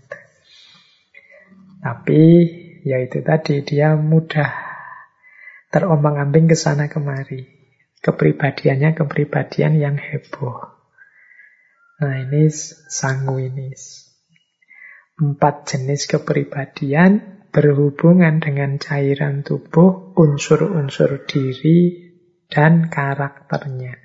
Ada yang panas, ada yang dingin, ada yang basah, ada yang kering. Nah, ini mungkin bisa diulang lagi oleh teman-teman, direnungi aku termasuk yang mana. Berarti, oh dominan tanahnya, oh kalau aku dominan airnya, atau kalau aku dominan udaranya. Kalau aku dominan apinya, wah saya merasa cenderung plekmatis Pak. Saya lebih suka menikmati diri sendiri, tidak mau diusik orang lain. Saya sudah tenang dan tidak usah peduli dengan orang mau apa. Atau, wah saya ini kok rasanya melankolis ya Pak. Serba takut, serba pesimis. Selalu banyak khawatir kalau ada apa-apa. Itu melankolis. Atau, wah, saya khawatir ini jangan-jangan saya koleris ini Pak. Saya kok rasanya ambisius sekali, agresif sekali, ingin ini, ingin itu. Jengkel sekali saya kalau ada teman kok lambatnya. Kalau diajak kerja kok tidak bisa cak-cak, tidak bisa segera beres. Atau mungkin, wah, saya ini mungkin sanguinis ya Pak. Orang sedang heboh apa, saya ikut. Orang ke utara, saya ikut. Orang sedang rame apa, saya kok tertarik ke sana, saya ah, dan seterusnya. Hidup saya gembira sih Pak, tapi ya isinya heboh-heboh terus, meledak-ledak terus. Kok rasanya hari ini kalau orang sanguinis itu kan dia akan capek karena habis viral ini, viral itu, oh, dia akan terombang-ambing mengikuti situasi. Baik, ya ini teori saja dari Hippocrates. Ya kalau cocok buat teman-teman ya monggo. Paling tidak hikmahnya dari teori ini kan jadi alat untuk kita mengenali diri. Ya mungkin kategori-kategorinya bagi para ahli psikologi atau ahli biologi, ahli kedokteran hari ini sudah tidak relevan lagi, tapi mungkin secara konseptual bisa kita pakai juga untuk sekedar mengenali diri. Karena kalau dalam filsafat itu kan unsur mengenali diri ini sesuatu yang vital, yang penting. Baik, berarti kita nambah satu tadi setelah kita membahas tentang epidemiologinya, clinical observation, kemudian sumpahnya Hippocrates, kita nambah satu teori tentang teori kepribadian. Nah, nambah lagi konsep, waktunya masih mungkin kurang sekitar 30 menit. Teman-teman ambil nafas sebentar, paling tidak sedikit-sedikit kita dapat wawasan baru dari Hippocrates. Nah, konsep selanjutnya adalah kita angkat tentang pandangan Hipokritis tentang otak. Jadi Hipokritis punya pandangan otak itu adalah pusatnya kesadaran, pusatnya intelektual, pusatnya emosi. Jadi berarti apa? Kuncinya manusia dan kemanusiaan itu ada pada otak. Kalau cara berpikir atau cara berperilaku seseorang terganggu atau menyimpang, itu mungkin ada yang salah dengan otaknya. Ini sebenarnya teori yang umum, populer sekali di masyarakat. Kalau ada orang ngomongnya ngelantur, pikirannya tidak jelas ke mana-mana, kelakuannya, perilakunya juga tidak seperti orang umumnya. Kita kan sering menyebut orang ini, wah, otaknya terganggu mesti. Ada yang tidak beres ini mesti. Utak eh malih mesti ini dan seterusnya. Jadi kuncinya diri kemanusiaan kita itu ada pada otak. Kalau otak rusak, kesadaran kita sebagai manusia juga kacau. Kita tidak bisa mikir, emosi kita juga tidak akan ada kontrolnya. Jadi ini pandangannya Hippocrates. Makanya dia disebut pelopor somatogenesis. Somatogenesis itu pandangan bahwa masalah yang terjadi pada tubuh fisik atau soma itu akan mengganggu pikiran dan tindakannya manusia. Somatogenesis itu kebalikan dari psikogenesis.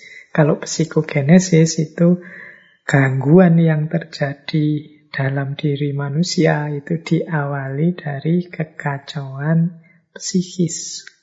Jadi berarti pikirannya kacau dulu, baru fisiknya sakit. Kalau psikogenesis itu mirip kalau kita misalnya bilang kalau kita sedang stres, sedang depresi, ya nanti berpengaruh dalam tubuh kita. Akhirnya kita ngereges, demam, drop, imunnya turun. Nah kebalikannya namanya somatogenesis. Somatogenesis itu ya kalau tubuh kita sedang sakit, misalnya sedang luka karena apa, atau sedang mendapatkan kesakitan apa, itu kan mempengaruhi pikiran. Jadi mempengaruhi cara kita berpikir dan cara kita berperilaku. Nah, itu namanya somatogenesis.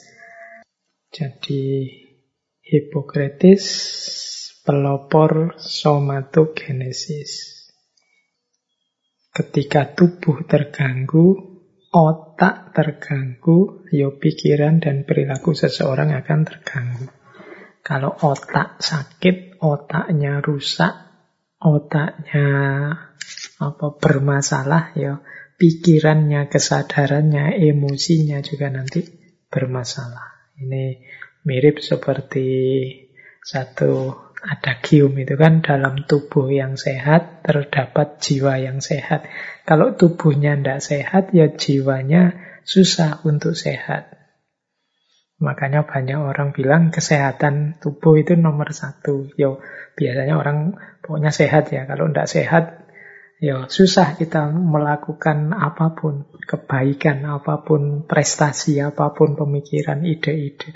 Kalau kita sedang sakit kan tidak ada gunanya filsafat-filsafat yang kelas tinggi, ide-ide unggulan yang kita miliki pas kita sedang sakit. Maka orang selalu bilang kesehatan nomor satu. Baik kesehatan versi somatogenesis maupun versi psikogenesis. Pada akhirnya ya sakit semuanya. Apakah sakit fisik mengimbas pada psikis atau sebaliknya sakit psikis mengimbas pada fisik. Toh jatuhnya ya semuanya sakit, baik psikis maupun fisiknya. Jadi mari kita sehat lahir dan batin. Karena ini dua-duanya berpengaruh dalam hidup kita. Tidak ada gunanya ilmu-ilmu tinggi kita, harta kita sebanyak apa pun, dan setinggi apa jabatan kita kalau kita sedang sakit. Sama sekali tidak ada nikmatnya. Maka bersyukurlah yang hari ini dikaruniai kesehatan. Baik, teman-teman. Uh, sekarang kita masuk ke bagian inti dari ngaji kita malam hari ini. Malah intinya 10 menit terakhir ini. 30 menit terakhir. Jadi sebenarnya tema Hippocrates ini kan mencari hikmah, mencari wisdom dari Kesehatan versinya Hippocrates yang sebelum-sebelumnya ini teori-teorinya. Yo ada banyak hikmah dari yang sebelumnya. Cuma bagian kebijaksanaannya yang terakhir ini. Wisdom tentang kesehatan.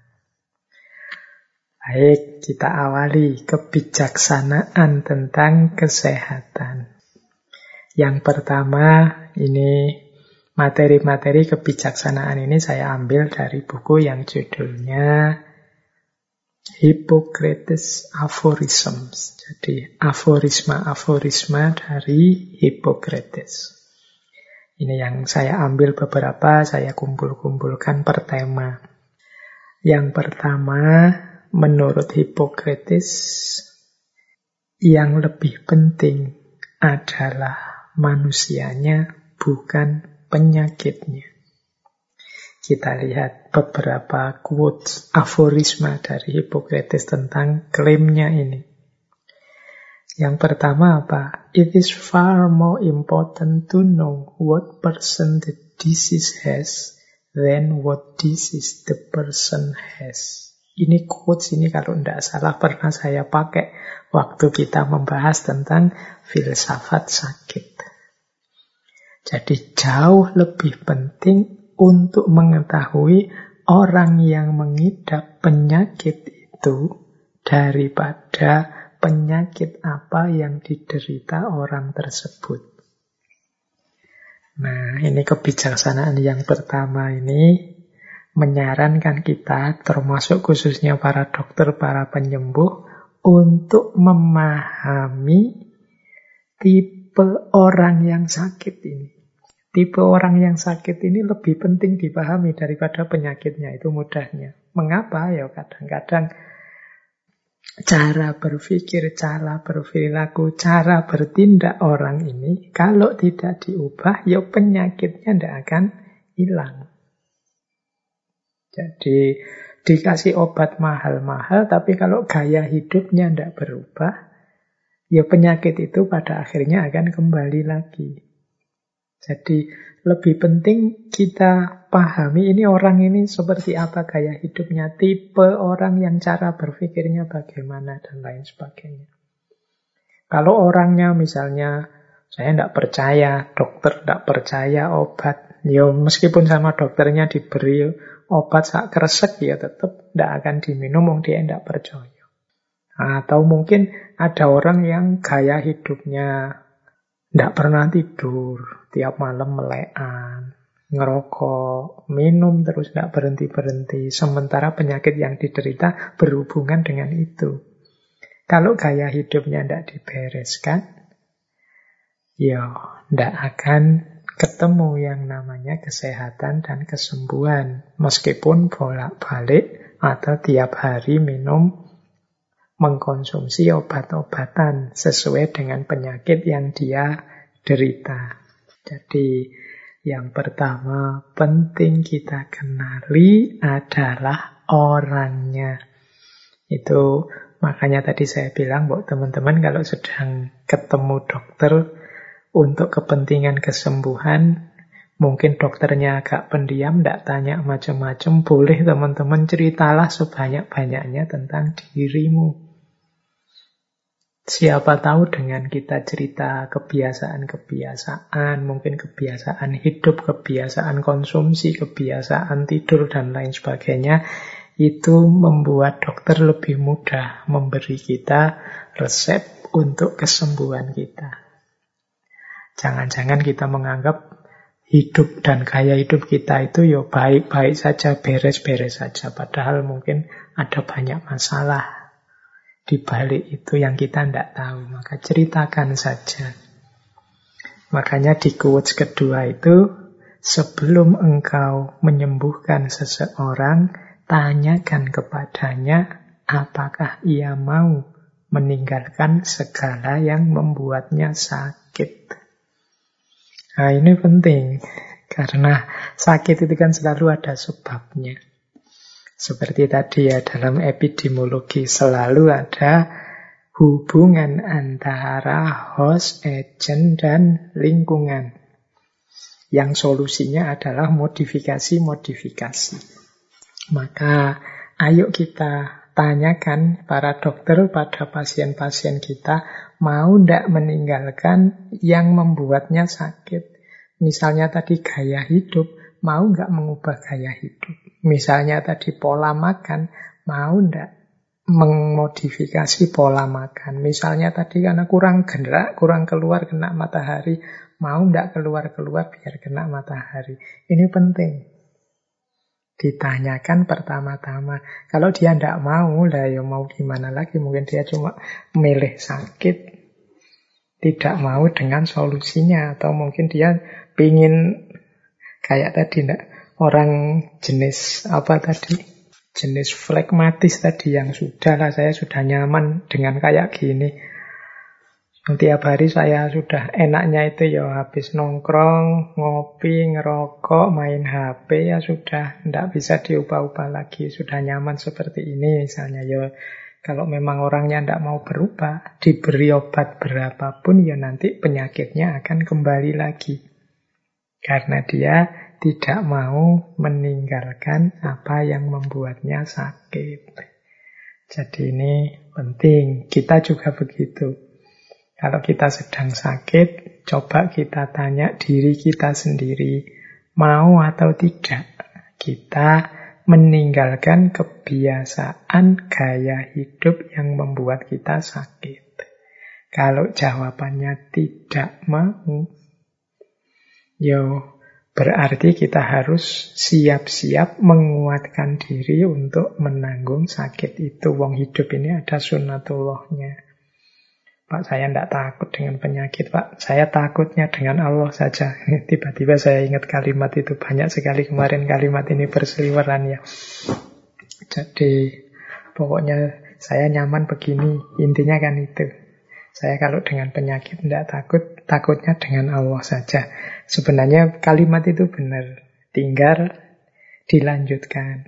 Kalau tak, sudah takut dengan Allah, yang harus dilakukan apa? Ketika orang takut dengan Allah itu kan berarti dia harus mau menjalankan perintahnya, amanah-amanahnya, dan menjauhi larangannya. Nah, di antara perintah dan amanatnya Allah itu adalah menjadi khalifah di muka bumi, termasuk menjaga diri kita, badan kita, lahir dan batin. Tubuh kita lahir batin ini kan amanat dari Allah. Yang harus kita jaga, tidak boleh sembrono. Kita awur-awuran sehingga sampai sakit dan rusak. Wong ini titipan dari Allah. Jadi memang kita harus takut dengan Allah, antara lain takut Allah murka kalau kita tidak menjaga amanatnya berupa tubuh ini lahir dan batin. Di antara ikhtiar kita menjaga kalau pandemi ini ya seperti yang disebut dalam prokes tadi. Tapi kan tidak mesti aman Pak pakai prokes itu wong banyak yang sudah vaksinasi sudah yang masih kena ya. Sejauh ini ikhtiar yang bisa kita lakukan itu. Yo nanti kalau ada yang lebih baik dari itu bisa lebih menjamin kita harus ganti ke sana. Itu di antara cara kita takut kepada Allah. Jadi bukan kok takut kepada takut kepada Allah itu dengan cara kemudian apa justru menjauh dari amanahnya Allah untuk menjaga kesehatan tubuh ini. Justru karena kita takut Allah murka, kita jaga kesehatan kita. Oke. Nah, itu kalau ada yang tanya ya, karena kemarin saya banyak ada yang, Pak gimana Pak jawab orang yang bilang yang saya takuti hanya Allah. Lu itu benar itu yang dia katakan. Cuma ekspresi atau yang harus dilakukan ketika seseorang sudah takut dengan Allah itu terus apa? Ya antara lain menghindarkan diri dari murkanya Allah ketika kita tidak menjaga amanatnya Allah berupa tubuh ini lahir dan batin kita. Baik, terus ada lagi petunjuk dari Hippocrates Natural forces within us are the true healers of disease. kekuatan-kekuatan alamiah dalam diri kita itu adalah obat yang sejati dari penyakit. Nah, ini dalam tubuh kita sebenarnya ada mekanisme untuk menolak penyakit. Ada kekuatan-kekuatan fisik, kekuatan-kekuatan yang memang menjadi fitrah manusia, sunnatullah manusia, mungkin dalam bentuk imunitas, dalam bentuk daya-daya tertentu yang teman-teman kedokteran mesti lebih tahu, yang ini bisa menyembuhkan penyakit. Hanya saja kadang-kadang memang kita sendiri yang mengacaukan ritmenya dengan cara hidup yang salah sehingga penyakit akhirnya mudah masuk dalam diri kita.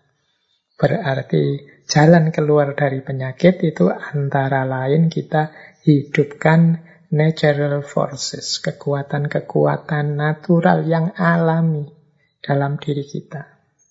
Kita jaga keseimbangan dan harmoninya. Tidak kita rusak dengan mungkin makanan, mungkin gaya hidup, dan macam-macam yang merusakkan. Jadi ternyata memang kesehatan itu kuncinya lebih banyak pada manusianya, bukan pada penyakitnya. Terus kita tengok kebijaksanaan selanjutnya. Yaitu, ini masih dari buku aforism tentang gerak dan makanan. Kata Hippocrates, let food be thy medicine and medicine be thy food. Biarlah makanan menjadi obatmu dan obat menjadi makananmu. Ini maksudnya apa? Marilah kita makan yang menyehatkan. Jadi kuncinya di antara kunci kesehatan itu makanan. Maka let food be thy medicine. Jadi biarlah makanan menjadi obatmu. Dan medicine be thy food. Dan obat menjadi makananmu. Ini maksudnya sama. Kita makan sesuatu yang menyehatkan, yang berfungsi sebagai obat. Kalau hari ini ada pepatah begini, Mungkin mirip dengan pepatahnya Hippocrates ini. Biarlah makanan menjadi obatmu, atau kalau tidak, nanti obat yang menjadi makananmu. Jadi mari kita makan yang menyehatkan. Sehingga makanan itu sendiri menjadi pendukung kesehatan kita. Karena kalau tidak, maka makanan akan jadi sebab hancurnya harmoni keseimbangan dalam diri kita sehingga kita sakit dan akhirnya menjadi terbalik obat menjadi makanan kita tiap hari makan dan minum obat saja. Jadi ini penting. Biasanya yang sudah kena penyakit, yang sudah sepuh-sepuh baru sadar pentingnya makanan sehat. Yang tua-tua, eh, yang masih muda-muda kayak teman-teman sebagian besar yang ikuti ngaji ini kan banyak yang muda-muda. Itu biasanya masih belum sadar pentingnya makanan yang sehat. Pak, tapi uang saya kan pas-pasan Pak untuk beli makanan sehat terus. Yo sehat tidak ada hubungannya dengan mahal. Bahkan mungkin makanan yang murah-murah itu justru lebih menyehatkan. Ya makanan tertentu yang mahal-mahal itu justru banyak mengandung kolesterol-kolesterol, banyak mengandung unsur-unsur merusak dalam diri kita. Ayo hati-hati, makan tidak hanya mengikuti seleranya lidah, tapi juga kebutuhan badan untuk sehat. Ya kalau mengikuti seleranya lidah itu ya memang Karpe yo mangan enak, terus yang itu-itu yang sudah jadi kegemaran kita. Tapi yo hati-hati. Karena kalau tidak, makanan tidak jadi obat kita, tapi sebaliknya obat menjadi makanan kita. Kemudian selain makanan apa? gerak. Jadi gerak itu maksudnya ya tubuh kita ini butuh beraktivitas, butuh gerak. Dia ini fungsinya banyak tubuh kita di tangan untuk apa, kaki untuk apa, dan macam-macam ini butuh gerak. Jangan rebahan saja, jangan santai saja. Makanya kata Hippocrates, walking is man's best medicine. Jalan-jalan adalah obat terbaik bagi seseorang. Nah, ini saya tidak tahu ini kalau yang muda-muda ini siapa yang merutinkan olahraga, merutinkan jalan-jalan. Kalau ada yang nanti tanya, opo dalile kok kita harus jalan-jalan, ya pakai saja ayat dari Hippocrates ini. Walking is man's best medicine. Jadi jalan-jalan itu adalah obat terbaik bagi seseorang. Bahkan ada quotes yang lain yang saya terjemahkan dalam bahasa Indonesia saja. Jika suasana hatimu sedang buruk, pergilah jalan-jalan. Jika suasana hatimu masih buruk, pergilah jalan-jalan lagi. Oh, berarti memang maunya Hippocrates ini kita gerak keluar, jalan-jalan. Jangan diam saja. Ya Pak, tapi hari ini pandemi Pak, tidak boleh keluar-keluar. Ya sudah, jalan-jalan tapi di rumah. Tidak tahu rumusnya gimana jalan-jalan di rumah itu. Yes, pokoknya gerak lah yang suka nanam-nanam, ya nanam-nanam lah. Yang suka melihara-melihara apa, pelihara-pelihara lah. Asal tidak diam. Mungkin bersih-bersih rumah, ngecat-ngecat, nyuci, nyetrika, itu semua gerak. Aktivitas-aktivitas ini membuat mood kita mungkin bisa naik. Suasana hati kita tidak lagi murung, tidak lagi suntuk. Jadi karena suasana hati yang baik, yang tidak suntuk, itu nanti mendukung kesehatan kita. Seperti tadi rumusnya, kesehatan psikis berpengaruh pada kesehatan fisik, demikian juga sebaliknya. Jadi ini rumus kebijaksanaan yang kedua. Yang ketiga, kebijaksanaan kesehatan selanjutnya ada pada aspek moderasi. Ini ada beberapa quotes yang saya bawa. Yang pertama, semua bagian tubuh memiliki fungsi. Jika digunakan secara moderat dan digunakan sesuai fungsinya, akan menjadi sehat, berkembang dengan baik, dan menua lebih lambat. Tetapi jika tidak digunakan secara tepat, mereka akan menjadi rentan terhadap penyakit, cacat dalam pertumbuhan, dan menua dengan cepat. Jadi, mari kita belajar. Ini di antara belajar kita, kan dalam filsafat itu selalu kita disuruh belajar tentang diri kita sendiri. Selama ini kalau saya bilang pelajari, pahami dirimu itu teman-teman mesti konotasinya aspek batinnya, jati diri, kedalamannya. Tapi sebenarnya semuanya, tidak hanya aspek mentalnya, moralnya, batinnya, tapi juga fisiknya. Karena seperti saya bilang tadi, sehatnya fisik itu berpengaruh terhadap kesehatan mental, kesehatan rohani kita dan belajar tentang kesehatan fisik, berarti kita harus paham fungsi dari bagian-bagian tubuh kita. Mata, telinga, tangan, kaki, hidung, dan lain sebagainya, mari kita pergunakan secara moderat. Moderat itu tidak berlebihan, juga tidak kekurangan. Mata yuk kita gunakan melihat secara pas dan tepat. Tidak terlalu banyak melihat sesuatu atau terlalu banyak tidak dipakai. Misalnya waktu saya merem saja tidak melihat, tidak begitu. Dipakai pas secukupnya saja. Waktunya merem tidur ya tidur, waktunya melek dipakai melihat ya melihat.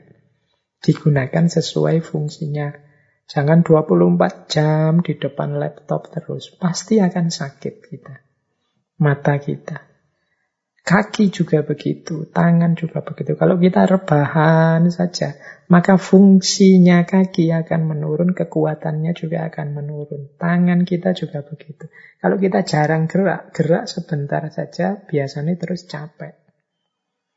Itu berarti kita tidak mempergunakannya dengan baik. Kalau katanya Hippocrates, akan membuat kita rentan terhadap penyakit, pertumbuhannya cacat, dan menua dengan cepat. Menua dengan cepat itu cepat aus. Wong yo tidak pernah dipakai atau dipakai secara berlebihan.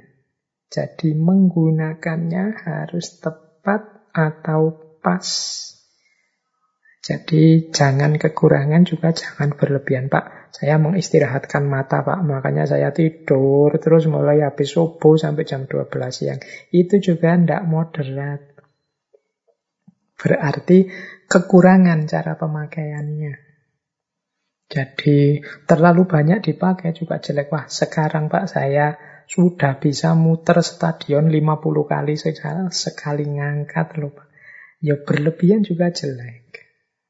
Jadi yuk digunakan yang pas saja. Jadi rumus kesehatan selanjutnya itu moderasi. Makanya ada kalimat selanjutnya dari Hippocrates, jika kita dapat memberi setiap individu jumlah nutrisi dan latihan yang tepat, tidak terlalu sedikit dan tidak terlalu banyak, kita akan menemukan cara paling aman untuk kesehatan. Jadi sehat itu ada pada moderasi, ada pada paradigma yang pas, tidak ekstrim.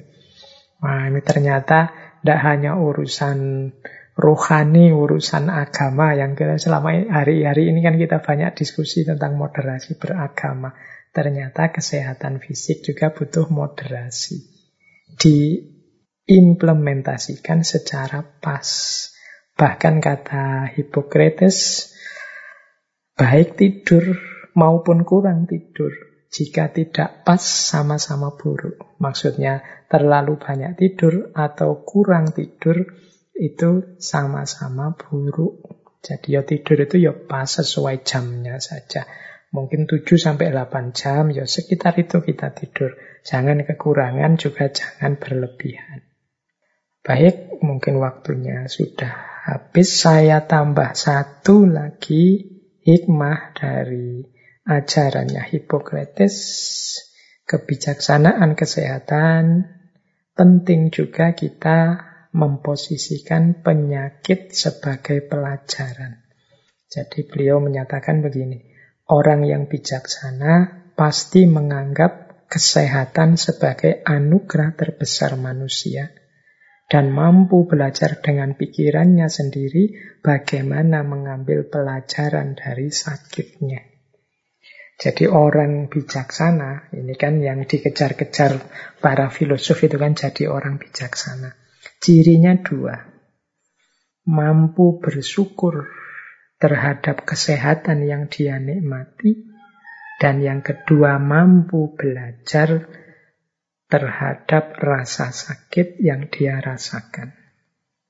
Jadi orang bijaksana itu setiap kali oleh Allah dianugerahi diberi rasa sakit, dia belajar dari situ tentang dirinya, tentang penyakitnya, sehingga tidak jatuh pada lubang yang sama, tidak jatuh pada sakit yang sama, karena dia mengambil pelajaran dari sakit sebelumnya.